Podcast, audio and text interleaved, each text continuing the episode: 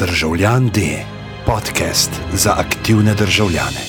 Dragi moji, eh, tukaj je december, 15. po datumu, eh, mi smo še zmeraj v preteklosti, oziroma smo še zmeraj v novembru. Eh, danes se pogovarjamo z namestnikom informacijskega pooblaščenca, magistrom Andrejem Tomšičem.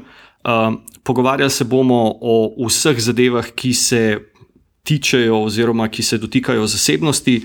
V zadnjem času je bilo zelo veliko nekih premikov na večjih področjih, ki v bistvu kažejo na ene zelo, recimo, temu, milo rečeno, podnarekovaji zanimive, eh, kritično rečeno, pa zelo problematične trende na, na področju pridobivanja oziroma analize zasebnih oziroma osebnih podatkov uporabnikov. Uh, mogoče za začetek eno tako zelo brezvezno ali pa eno tako splošno vprašanje. Uh, če jaz recimo na internetu, ne vem, neki, neki trgovini ali pa neki inštituciji ali pa nekemu podjetju uh, zaupam neke svoje osebne podatke, dobim, ne vem, za ston ponu, ne, ali pa nek paket čigumijev, ali pa dobim nekaj, v glavnem nekaj konkretnega, oziroma nekaj, kar lahko uporabim, kar lahko načeloma tudi preprodam, oziroma kar ima neko denarno vrednost. Ne. In, in zdaj mogoče to vprašanje za milijon dolarjev, koliko stane, oziroma koliko je vredna moja zasebnost, oziroma kaj dobim, če tega ne naredim. Mhm. Ja, zdaj, mogoče moramo štartati malce nazaj. V bistvu, da se vprašati, kaj se zasebno sploh je. Se mi zdi, da toliko je bilo enega govora o varstvu osebnih podatkov, kaj se sme, kaj se ne sme, pa posegi v zasebnost. Pa nikoli si nismo vzeli mogoče dovolj časa, da bi se vprašali, kaj zasebnost sploh je ne? in okay. kaj izgubimo, če izgubimo zasebnost. Ne? Zdaj, najlažje, včasih te postavijo pred babico, ki moraš to pojasniti, in moraš biti zelo enostaven. Ne? Je, da si to predstavljamo kot neko moč odločanja, sposobnost posameznika ali pa skupine, da se odloča, kaj o sebi bo delil z drugimi, koga bo spustil v svoje stanovanje, s kom bo delil svoje podatke in tako naprej, komu bo omogočil dostop do svoje komunikacije. Uh mhm. -huh. In tukaj problem je v tem, da ko mi svoje podatke dajemo drugim, jim v bistvu dajemo to moč odločanja. Ne? In več podatkov, ko dajemo drugim, več je tega transfera moči k drugim subjektom. Okay. K klubom za stobe, k ponudnikom digitalne televizije, k policiji, k komorkoli.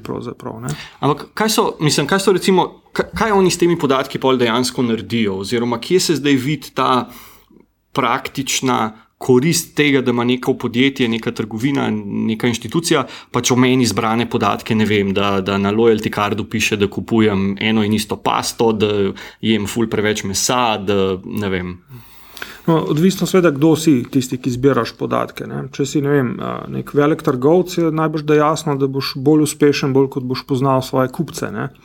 Če veš, da vem, Janez živi v 16 muštuku nad neke stolpnice, mu ne boš verjetno ponujal neke reklame za kosilnico za travo. Ne? Sveda pa zato rabiš čim več podatkov zbrati o njemu. Uh, zdaj, trgovci že kar lepo kopičijo naše podatke o naših nakupih. Ne? Vprašanje je, koliko so sposobni, koliko se jim v bistvu splača ekonomsko jih tako zvrtati, da znajo v bistvu iz njih povleči zase neko dodano vrednost. Ne? Verjetno, vsaj pri nas, se jim trenutno še ne splača nekega zelo podrobnega profiliranja početi nad posamezniki. Ne? Ampak to je verjetno nekaj, kar nas čaka v bližnji prihodnosti. Uh mhm. -huh. Prav tako nas, po mojem, čaka to, da se bodo točke, ki nas trgovci vprašajo, kdo pa si ti, ki kupuješ pri meni, premaknile iz blagajne, ne? šele takrat nas zdaj vprašajo, kdo si pokaže mi kartico zvestobe. Ne? Jaz bi to kot trgovec hotel imeti že na vstopu v trgovino, ne, uh mhm. -huh. ne potem, ko je nakupovalec že sprejel vse svoje nakupovalne odločitve na filo voziček, ne? pa ga pa jaz vprašam, kdo pa si. Ne? To se mi zdi izguba ene. Kupa enih informacij. Uh mhm. -huh. Ampak, kot rečeno, odvisno, kdo je tisti, ki zbira naše podatke. Ne. Policija, seveda, z njenega vidika, bi hoteli vedeti vse. Kajti, če vse vedo, bi lahko teoretično tudi vse ujeli. Ne? To je pa tisti paradoks, kako najti kot družba neko ravnotežje med uh, popolnoma nadzorovano državo, kjer ujamemo vse kriminalce. Ampak hkrati država, v kateri najbrž nihče več ne želi biti živeti. Ne? Ampak je to ravno ta, recimo, ta paradoks, ne, oziroma eh, da ti več podatkov avtomatsko prinaša boljše ali pa bolj učinkovite rešitve? Ne? A je to nekaj, kar v bistvu ne zdrži nekega, neke kritične preverbe? Ne? Tudi če gledamo, recimo, če gremo okay, zdaj konkretno na policijo oziroma na data retention, ne? vidimo, da se je v bistvu v letih, ko je še veljala, oziroma ko velja ne, ta data retention direktiva oziroma omejevanje zbiranja teh podatkov, ne? da so v bistvu policisti v tem času rešili več primerov, kot poprej, ko so imeli. V teoriji, vsaj večje število podatkov. Ne. Tudi, recimo, zdaj pred kratkim je prišla ena novica, ven, da v bistvu v, v Veliki Britaniji uspejo oblasti obdelati, samo mislim, da je bila ena tretjina vseh zbranih podatkov, ne, kar mhm. pomeni, da dve tretjine zberejo in tam leži. In, mhm. ja, na Danskem, če se ne motim, so imeli tako hudo data retention zakonodajo, da so hranili celo podatke o vsaki obiskani spletni strani, ne, kar je res enormna količina podatkov. Samo po sebi se postavlja vprašanje, ali boš res našel uh, iglo v kupu sena, če boš kup sena še enormno povečal, ne? najbrž bo še težje našel. Uh, in tudi veliko poročil, ki govorijo o uspešnosti data retention zakonodaje, kažejo na zelo dvomljiv vpliv na povečanje preiskanosti kaznjivih dejanj. Celo negativne so zaznali. Zanimivo je bilo tudi pri nas, zdaj, ko nekaj časa tega nimamo, pogledati, ali je policija kaj manj uspešna ali ne. ne. Mm. Po eni strani je možen tudi scenarij, da v bistvu so se zdaj prisiljeni zateči k svojem običajnem policijskem delu, ne. kako si ti na enkrat navadiš na nek vir podatkov ga zelo paušalno jamlješ ne, in mogoče ne razmišljaš več toliko, kako bom nekoga ujel, kaj rabim dobiti. In tako naprej. Uh mhm. -huh. Ker na drugi strani je pa, je pa občutek zasebnosti, ne, oziroma to, kar mi. Razumemo pod zasebnost, ne vedno manjši, oziroma vedno večje fraze, da ja, se nimam nič za zgubiti, ker naj me vuhunijo, se to vsi delajo, um, kaj so pa še te floskole. Se pravi, da, da se v bistvu ljudje že kar vnaprej v bistvu predajamo mhm. in govorimo, da ja, no, sej pač tukaj sem, imejte me. Ja. Ja, ta, ta izraz se nimam kaj skrivati, kaj se mi lahko zgodi. Ne? Jaz ne rabim varstva osebnih podatkov, je tako zelo zgrešena uh, dikcija, uh, ki v bistvu poenostavlja definicijo zasebnosti. Če jo gledamo kot moč odločanja, ne? to je nekaj drugega kot skrivanje slabega. Tisti, ki rečejo, da je zasebno skrivanje slabega, v bistvu odrežejo skrivanje vsega lep, lepega. Uh -huh. To je pa velik del v bistvu moči odločanja. Torej, če gledamo na zasebnost skozi prizmo temu, kdo ima moč odločanja, potem bolj razumemo, ne, da če dajemo drugim podatke o nas, imajo tisti moč nad nami. In ena, en argument, s katerim gladko spodsekaš vse te, ki trdijo, da nimajo domnevno kaj skrivati, je načelo točnosti in ažurnosti, en od postulatov varstva osebnih podatkov naši podatki ne bi bili točni na žurni, sicer imamo lahko zelo hude težave. Uh mhm. -huh. Kar predstavljate si, da ste pomotoma uvrščeni na seznam uh, iskanih teroristov, da je vaš avtomobil ukraden, ko greste čez mejo, da manjka vaša diagnoza, da je vaša krvna skupina napačna, zastarela, da na vašem bančnem računu piše stanje nič, kar je seveda super, če ste imeli v resnici minus, ampak ne. Hude stvari se vam lahko zgodijo, pa domnevno nimate kaj skrivati. Uh, in bolj kot razmišljam, v bistvu ta hujše stvari se nam dejansko dogajajo ravno takrat, ko res nimamo kaj skrivati. Mm. Ampak, ko se mm. nam zaradi netočnih, napačnih, neažurnih, zastarelih podatkov lahko hude, hude težave pripetijo. Ampak, kje so zdaj v bistvu pri teh, recimo, neživljenjskih zakonodajnih okvirih oziroma zakonih, ne? pa na drugi strani nekemu okornemu ali pa nekemu ne, v bistvu tudi do neke mere protizakonitemu izvajanju teh direktiv. Ne? Recimo zdaj je bil spet primer, ko policija spet mimo sodnika pridobiva podatke o, o, o forumaših oziroma uporabnikov forumov na spletu. Ne? Kje se je treba zdaj tega problema lotiti, da bomo v bistvu zdaj to nitko potegnili in bo, in bo ta vozel razpadel, in da ga ne bomo še bolj zategnili? Ne? Ker zdaj smo, recimo, ne vem, zadnjih, ajde, 10-5 let, ne smo govorili, da ja, rabimo še več podatkov, ne? ni dovolj podatkov. Ne? Tudi zdaj, recimo, pri pr temu, um, pr temu pariškemu masakru, ne?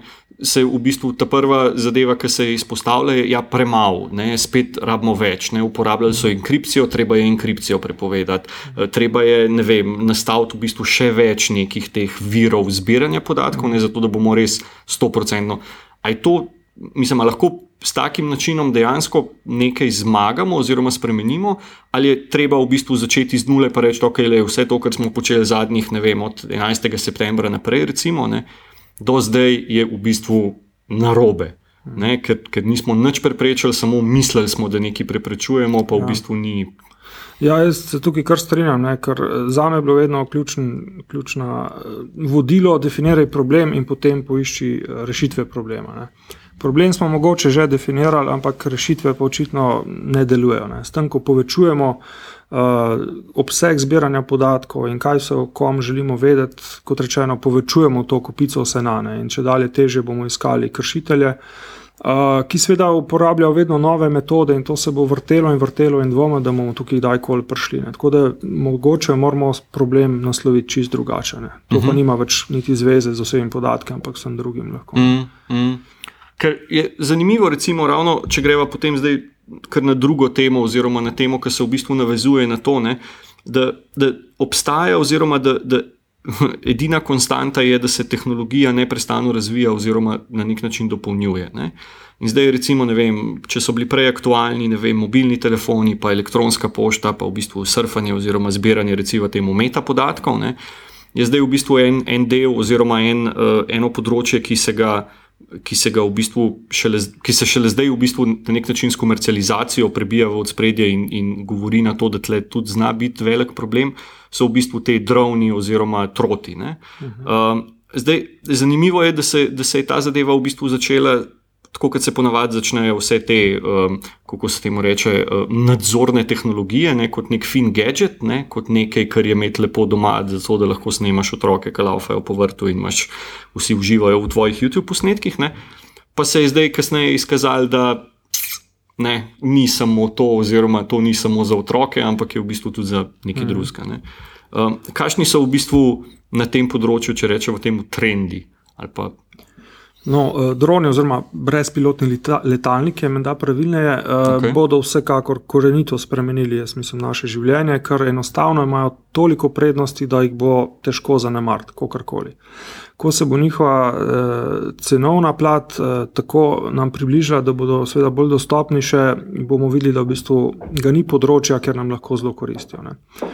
In seveda, tako kot vsako tehnologijo, ne, na začetku se bomo marsikdaj fajn opekli, preden bomo znali to dobro uporabljati in varno. Kar se tiče uh, vidika zasebnosti, seveda povzročajo kar velike izzive, ne, uh, omogočajo prikrito sledenje, snemanje, zajem zelo različnih podatkov, ne, termografije in podobno. Uh, z vidika recimo organov pregona, jaz bi rekel, to je Eldorado nadzora. Ne. Če bi bil jaz policaj, bi rekel, pa kje ste bili do zdaj, ne. to sem hotel. Hm. Nadzor iz zraka, prikriti, stalen 24 ur, 7, ne. ko se en zmatra, pošlješ drugega, ne. omogoča zajem vsega, komunikacij, videa, nočno gledanje, ni da ni. Ne. To je tisto, kar smo pravzaprav čakali kot neki mhm. policisti. Recimo, ne. Uh, in problem je tukaj, ker se pogosto zadeve malce zamaskirajo. Češ, pa sej mi imamo dovoljenje recimo, za uporabo helikopterjev in z njimi na njih so kamere. Ne? Zakaj pač ne bi smeli imeti uh, dronov, brezpilotnikov s kamerami? Uh mhm, -huh. Mhm. Že, ne? ampak problem je v sistemih, ki so na brezpilotnikih. Ne? Brezpilotnik kot tak je samo nosilec. Ne? Kaj pa je gor obešen? To je pa tisto, ki je ključno za recimo posege v temeljne človekove pravice. Ne? Tukaj pa ne gre samo za pravico do zasebnosti, gre za pravico do svobode izražanja, do svobode združevanja in tako naprej. Ne. Če imaš ti vedno nek leteči objekt na tabo, ne, ki ti opozarja, da si napačno parkiral, da si šel čez polno črto, ne, smo že zelo blizu neki družbi nadzora. Ne. Tako mm. da je pa res vprašanje, kako daleč bomo šli s temi brezpilotniki. Pri nas trenutno je velik problem v tem, da je zadeva praktično neregulirana. Leti marsikdo, marsikje z različnimi nameni. Uh mhm. -huh. Še vedno nimamo zakona ali pravilnika, ki bi uredil pogoje, kdo kdaj sme, pod kakšnimi pogoji leteti. In se bojim, da čakamo na neko nesrečo, ko bo morda padla potem neka splošna prepoved, ki bo zavrla tudi mnoge pozitivne uporabe teh zadev. Uh mhm. -huh. Imamo zelo koristne uporabe, recimo v poljedelstvu, v nadzoru viaduktov, infrastrukturnih objektov, eh, uporaba za zaščito in reševanje, poplave in podobno. Ne, in ne želimo si verjetno ene take nesreče, ki lahko vse te pozitivne vidike zavrene. Mm. Ampak, a je Mislim, a je narava zakonodaje taka, da v bistvu pride zmeraj, ko je prepozno na nek način. Ne? Da, da zmeraj v bistvu, da, da je zakonodaja, pa ponavadi je zmeraj bolj restriktivna potem, ne? pride v bistvu kot odziv na neko nesrečo, na nek problem, na neko manifestacijo nečesa, do takrat je pa v bistvu ne, vse en. Ja, žal je pogosto tako, ne? ampak tukaj imamo še čas, ne? nesreče še ni bilo, še imamo možnost, da uredimo pogoje, ki bodo, upam, da čim bolj človeški in razumni in preprečimo neke nespametne rabe. Ne? Zdaj, recimo, vem, na vsaki športni prireditvi vidite brezpilotni letalniki, snema vem, tekače, tekmovalce in leti direkt nad njimi. Ne? Že z vidika varnosti je verjetno obstaja tveganje, da taka zadeva pade v množico ljudi in najbrž posledice ne bodo ravno mile. Uh -huh. uh, in je tudi tisti, ki letijo z brezpilotnimi letalniki, si želijo regulative, ker pravijo, imamo nelojalno konkurenco, ki ne upošteva nobenih varnostnih pomislekov, ki jim je važna samo cena in zaslužek, in, in tega pa tudi mi nočemo, ki nas vendarle skrbi, kako se z njimi ravna. Uh -huh. No, podobno kot, kot droni so, so v bistvu je v bistvu na nek način še eno tehnološko področje, ki je, ki je zdaj vedno bolj popularno, spet. Ne? In to so v bistvu ta um, data retention oziroma metapodatki. Um, Malo smo že prej govorili o tem, zdaj se v bistvu spet tudi na, zaradi v bistvu tega, te pariške tragedije, se v bistvu pojavljajo vedno večje tenzije, vedno večje pač apetiti po tem, da bi države spet nabirale oziroma spet zbirale te metapodatke, ne pa ne vem, z telefonov, iz, iz ostalih naprav. Uh, A je to nekaj, kar je, kar je v bistvu. Mislim, a, a se da to na nek način omejiti, preprečiti, oziroma na kakšen način bi mogli na, na, na metapodatke gledati, uh, zato da bi jih recimo na, na eni strani uporabljali smiselno, in na drugi strani, da ne bi šlo spet za, da zbiramo za to, da, da, da imamo občutek varnosti. Mhm. Poblaščenci v bistvu na to temo uvajanja novih ukrepov m, že nekaj časa ne zdajo ene zelo pomembne smernice, po mojem oceni. To so smernice za presojo vplivov na, z našega vidika, seveda na zasebnost pri uvajanju novih policijskih pooblastil, kot so lahko tudi droni, data retention, zbiranje podatkov o letalskih potnikih, PNR uh, in tako naprej. Trojanski konji, recimo, so bili tudi aktualni. Uh -huh. In mi smo naredili te smernice ravno kot neko orodje, ki ga lahko tisti, ki propagirajo te ukrepe, uporabijo za to, da nam kot družbi in državljanom razložijo, zakaj neko orodje res potrebujejo, kaj bodo z njim dosegli, da nam izkažejo, ali bo nujno, primerno in sorazmerno, in da potem kot družba jim lahko damo neko zakonsko podlago, da te ukrepe vam dovolimo uporabljati. Uh mhm. -huh. Imeli smo kar nekaj primerov, ko je šlo s temi ukrepi z glavo skozi, dobesedno. Ne? Spomnimo se zgodb o imsilovilcih. Uh mhm. -huh. Ki smo odkrili na koncu, da se kar pogosto uporabljajo, čeprav so nekaj časa ne obstajali, se je bilo zanikano, da se jih sploh uporablja, in tako naprej. Uh, zdaj pa domnevno, seveda, čakajo na neke zakonske podlage. Ne.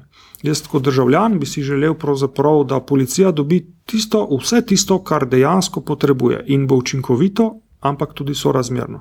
Ampak bi rad, da skozi neko javno razpravo se kot družba odločimo, kaj je tisto, kar bomo dali, kaj bo delovalo in kaj bo sorazmerno, kaj pa ne, ne. kateri ukrepi so pa tisti, ki pa pač ne delajo. Ne. In data retention, recimo, je bil eden od teh ukrepov ki ga je Evropa po nekem času, seveda, ne, vendarle spoznala kot, uh, morda smo pa pretiravali, a smo res tam kaj dosegli, le kakšne stroške smo uh, povzročili operaterjem, koliko ljudi smo pa ujeli zaradi tega. Uh mhm. -huh. Ta test, ta neka naknadna analiza teh ukrepov je pa tisti ta drugi korak v zgodbi. Ne. Ko smo enkrat odobrili nek ukrep, bi ga morali čez čas pregledati, njegov učinkovitost, primernost, sorazmernost. In se odločiti, če deluje, podaljšamo, če ne, pa ga je treba ukiniti. Problem pri teh debatah o, o zbiranju podatkov, oziroma tudi recimo, vem, o prisluškovanju, o, o vseh zadevah, ki se tičejo na eni strani obveščevalnih služb in recimo represivnih organov, je ponavadi v tem, da se, da se ponavadi v bistvu uh, zvede debata na tak način, da ja, proti prisluškovanju si, torej podpiraš teroriste. Ne, in, in to je konc debate. Uh, kdo bi mogel, tudi mogoče, vem, stališča informacijskega pooblaščenca, poleg informacijskega obveščenstva še sodelovati v tej debati, oziroma kdo je v bistvu tisti, ki bi mogoče dal kdaj tudi kakšno pobudo proaktivno. Se pravi, ne da se v bistvu samo odzivamo, oziroma da smo skozi neki defenzivni drži, ne? ampak da v bistvu pridemo na, pridemo na plano z nekim konceptom, z nekim novim načinom reševanja te situacije. No, to je pa ta, zdaj se pa lepo vrnemo na izhodišče, pravzaprav ne, na samo razumevanje zasebnosti kot temeljne človekove pravice. Uh, in kaj se nam lahko zgodi, če jo izgubimo. Ne. Se bojim, da pri nas eh, zelo manjka zagon civilne družbe. Ne. V tujini, vem, imajo kolegi kar dobro podporo NGO-jev. Recimo v Nemčiji, ko se je uvajala data retention zakonodaja, je na ulici protestiralo na deset tisoče ljudi. Ne. Pri nas mislim, da ni bilo treh. Imeli smo primere pri akti in podobnem, ne. ampak problem je mogoče, ker ljudje eh, so zdaj dosti slišali o zasebnosti, o varstvu osebnih podatkov, ampak so mogoče to razumeli kot skrivanje slabega, to je prva, druga je pa kot to je vse prepovedano, to je zakonsko omejeno, to je zelo težko in tako naprej. Ne. Tako da jaz mislim, da moramo vsi skupaj nekako spet napore vložiti v to, da sami sebi pojasnimo, kaj zasebnost je, zakaj to imamo sploh, ne? zakaj imamo varstvo osebnih podatkov, kaj dobrega imamo od tega. Ne? Ker takrat, ko bomo to razumeli, se bomo za to tudi borili. Mm. Jaz vedno iščem usporednice recimo z varovanjem okolja ali pa vem, s kajenjem.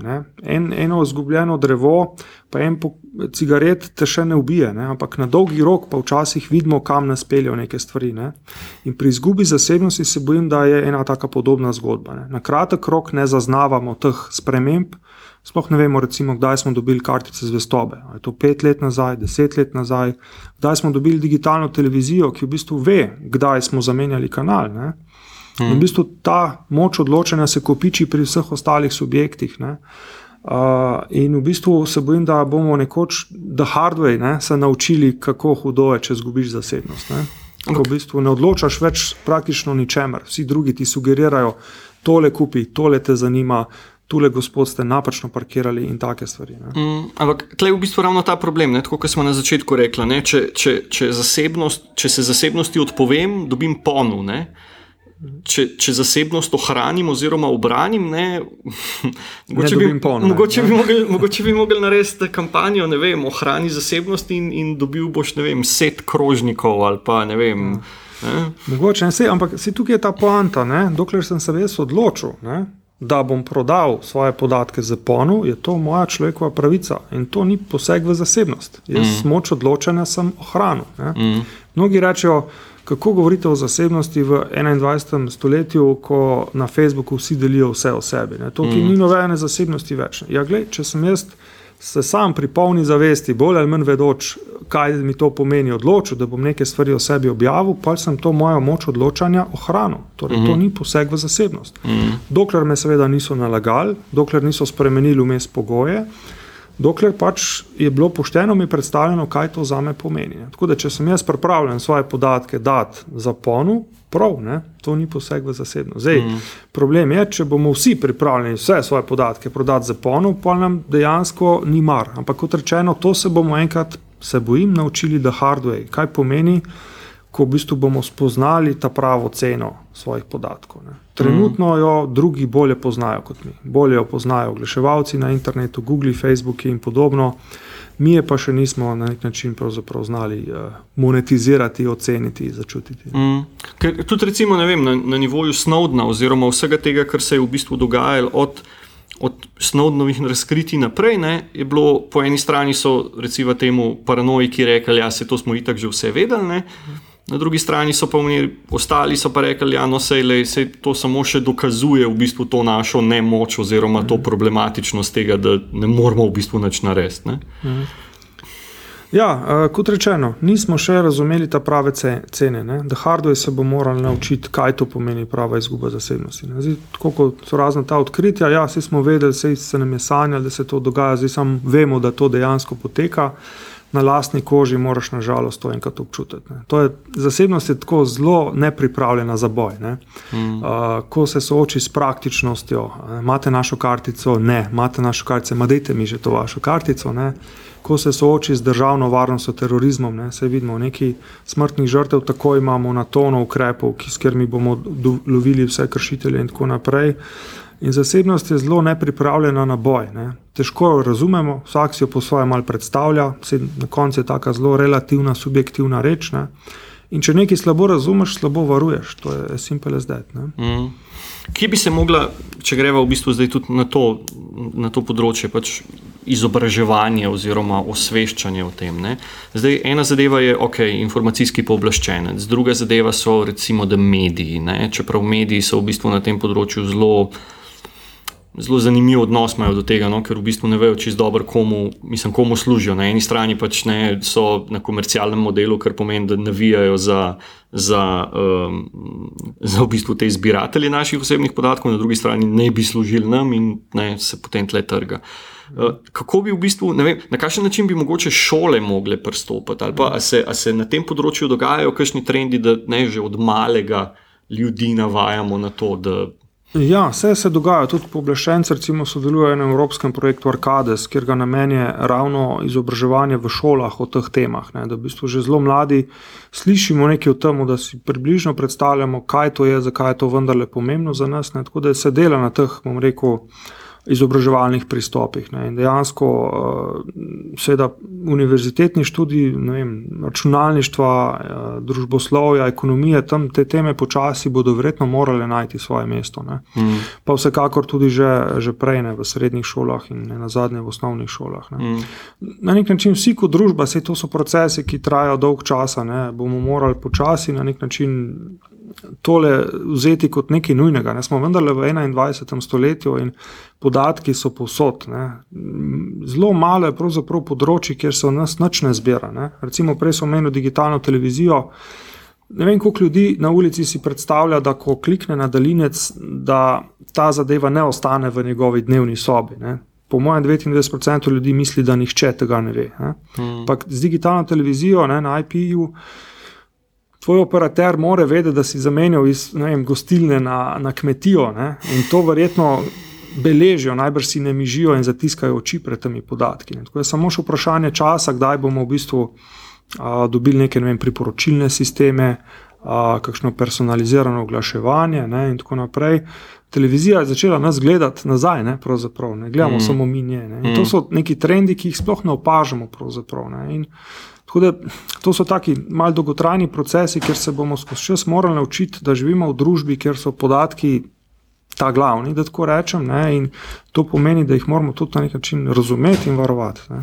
Pa če gremo v bistvu zdaj še tako na zadnjo temo, oziroma da zaključimo v bistvu s tem, ne, mašine, ki poslušajo, oziroma stroji, ki nas vidijo. Ne, um, zdaj, zadnji zadn trend je v bistvu ta Internet of Things, oziroma internet stvari, ne, kjer je pa v bistvu je teorija taka, da imamo vse na internet, ne? od zobne ščetke do hladilnika do cele hiše. Um, in je recimo blazno zanimivo ravno to. Zadnjič sem bil na eni okrogli mizi, kjer so se pogovarjali zelo na široko o, o napredku informacijske družbe ne? in, in so zagovarjali zelo ta ameriški pragmatičen model, ne, kako je vse super, kako je vse lepo, kako ti ne bo treba nič delati. Oziroma, ne, cilj informacijske družbe, če gledaš čez američane, je, da človek potem res rata v bistvu uštekan v kabel v matrici, se pravi v neki topli tekočini, nič mu ne manjka, nič ga ne boli in plava. Mhm. Na drugi strani, če se greš recimo pogovarjati v bistvu z. Mm, z, recimo, z vzhodnjaki, ne, z, z Mačari, z Romuni, z Rusi, ne, je v bistvu ta um, informacijska družba dojeta striktno kot represiven organ države, oziroma podaljšek represivnega organa države, ne, kjer je v bistvu nadzor in kontrola prebivalstva in, in branje misli, če temu tako rečeš, toliko lažje, oziroma toliko bolj celovito. Mhm. Zdaj, kako to, mislim, kako ta dva modela spojiti? Oziroma na kakšen način dosežeš, da se bodo, ne, prej smo se pogovarjali o, o neki certifikaciji zasebnosti. Ne, uh -huh. a, a lahko pričakujemo, da bodo imeli hladilniki vem, čez pet let vem, un, uh, energetski test za pač, kjer razred, koliko porabijo energije, ja. pa še koliko podatkov zberejo. Nas pač imate tega, ja. ki vse pobere, ta zbira sam tako omejeno. Uh mhm. -huh. Ja, certifikacija in recimo neki žigi zasebnosti, o njih se veliko govori v naših krogih, ne, ker uh, zakonodaja ima svoje značilnosti, je zelo toga, dolgo časa rabi, da se prilagaja. In neki taki mehanizmi, ki delujejo na drugih področjih, ne, na varstvu potrošnikov in podobno, mogoče tudi tukaj lahko najdejo svoje mesto. Zdaj, tukaj so vse neki klasični ukrepi, ne, uh, minimizacija zbiranja podatkov, kratki roki hrambe. Uh, nismo recimo omenjali še pravice posameznika, da zahteva svoje podatke. Uh mhm. -huh. v bistvu, morda z nekim bombardiranjem tistim, ki imajo naše podatke, dosežemo, da se zavejo, da imajo več slabosti kot koristi od tega in mogoče skrajšajo eh, obdobje hranjenja in obseg hranjenja. Uh, tako da um, internet stvari dejansko prinaša zelo velike izzive, ne? dejansko bodo vsi naše misli, gibi, boh ve kaj, vse na nek način beleženo. In to je spet tista zgodba, moč odločanja, se uh, koncentrira pri nekomu drugemu. Ne. Uh, zdaj, uh, do neke mere bo verjetno mogoče uh, certificirati zbiratelje naših podatkov. Ne. Poblaščen tudi sodelujem v takem projektu uh, CRISP, ki se ukvarja ravno s tem, kako certificirati varnostne produkte, ne samo z vidika varnosti, ampak tudi z vidika bolj uh, mehkih dejavnikov, kot je prijaznost do zasebnosti, uh -huh zaupanje in učinkovitost, recimo, ampak vsaj zaenkrat se kaže to kot zelo, zelo težko. Ne. Enostavno je certificirati neko vtičnico, a dela na 220 V ali ne. ne. Težko pa je reči za neko napravo, ta pa je zasebnosti prijazna v višini štirih zvezdic. Ne. Tako da bo še trajalo kar nekaj časa, da prijemo do tega. Morda se bo celo izkazalo, da to sploh ni mogoče doseči. Ne. Tako da bomo morali še naprej razmišljati, kako v bistvu na nek način ohraniti to moč odločanja pri nas. Mm. Pa mogoče res čišči čist, čist za konec, to smo zdaj v bistvu omenili samo na kratko, več o tem v, v prihodnih oddajah oziroma s prihodnimi projekti. Uh, pač to zahtevanje oziroma pošiljanje zahtevkov uh, tem zbirateljem osebnih podatkov. Uh, pač tako rečejo, čisto za na konec domača naloga. Ne? Kdo so recimo trije ali pa prvi trije na, na, na lestvici tistih, ki, ki zbirajo recimo največje količine podatkov, oziroma komu se, komu se tako zbiranje, komu je to tako zbiranje prišlo najbolj v navado, oziroma od koga lahko ljudje to najbolj pogosto mm. zahtevajo. Mogoče čist kratek uvod za tiste, ki tega toliko ne poznajo. Ustava nam daje to pravico, torej, da zahtevamo lastne osebne podatke od tistih, ki so jih v nas brali, 38. člen. Uh, taki na prvo žogo, ne, zelo zanimivi so prav gotovo operaterji, ki zbirajo podatke o naših uh, klicih, o gledanosti televizije. Morda ste pozabili, kaj ste gledali, zahtevajte to nazaj. Policija je zelo pridna pri zbiranju podatkov o tem, kje smo kdaj prespali, v katerem hotelu, v kateri nastanitvi. Mogoče bi hoteli to nazaj izvedeti, če že to imajo, da nam to dajo nazaj, ker se le sporajajo vprašanje, zakaj to potrebujejo za tako dolg časa. Pa recimo, seveda, klubi zvestobe so tudi taka, mislim, da zanimiva ciljna publika. Ne? Zahtevajte podatke o vaših nakupih nazaj. Ne? Presenečeni boste, zakaj zapravljate pravzaprav denar. Na drugi strani pa bodo vsi ti, ki imajo te baze podatkov, mogoče prebrali še enkrat zakon, videli, da niso samo plusi, ampak da imajo z zbiranjem podatkov tudi neke dožnosti in pravice, ki jih imamo mi do njih. Uh -huh. Ok. Eh, dragi moji, eh, to je bil eh, zadnji letošnji državljan D. Vidimo se 15. januarja. Upajmo, da bomo do takrat posneli novo zadevo, oziroma da ne bomo preveč zaspali. Najlepša hvala našemu gostu, magistru Andreju Tomšiču iz informacijskega pooblaščenca, da si je vzel čas, oziroma da nam je vse to povedal. Na vas je pa zdaj naloga, da zahtevate svoje podatke, oziroma pogledajte, kdo vse, kdo, kdo vse ve kaj o vas. To je bilo to, uh, hvala lepa in na slišanje.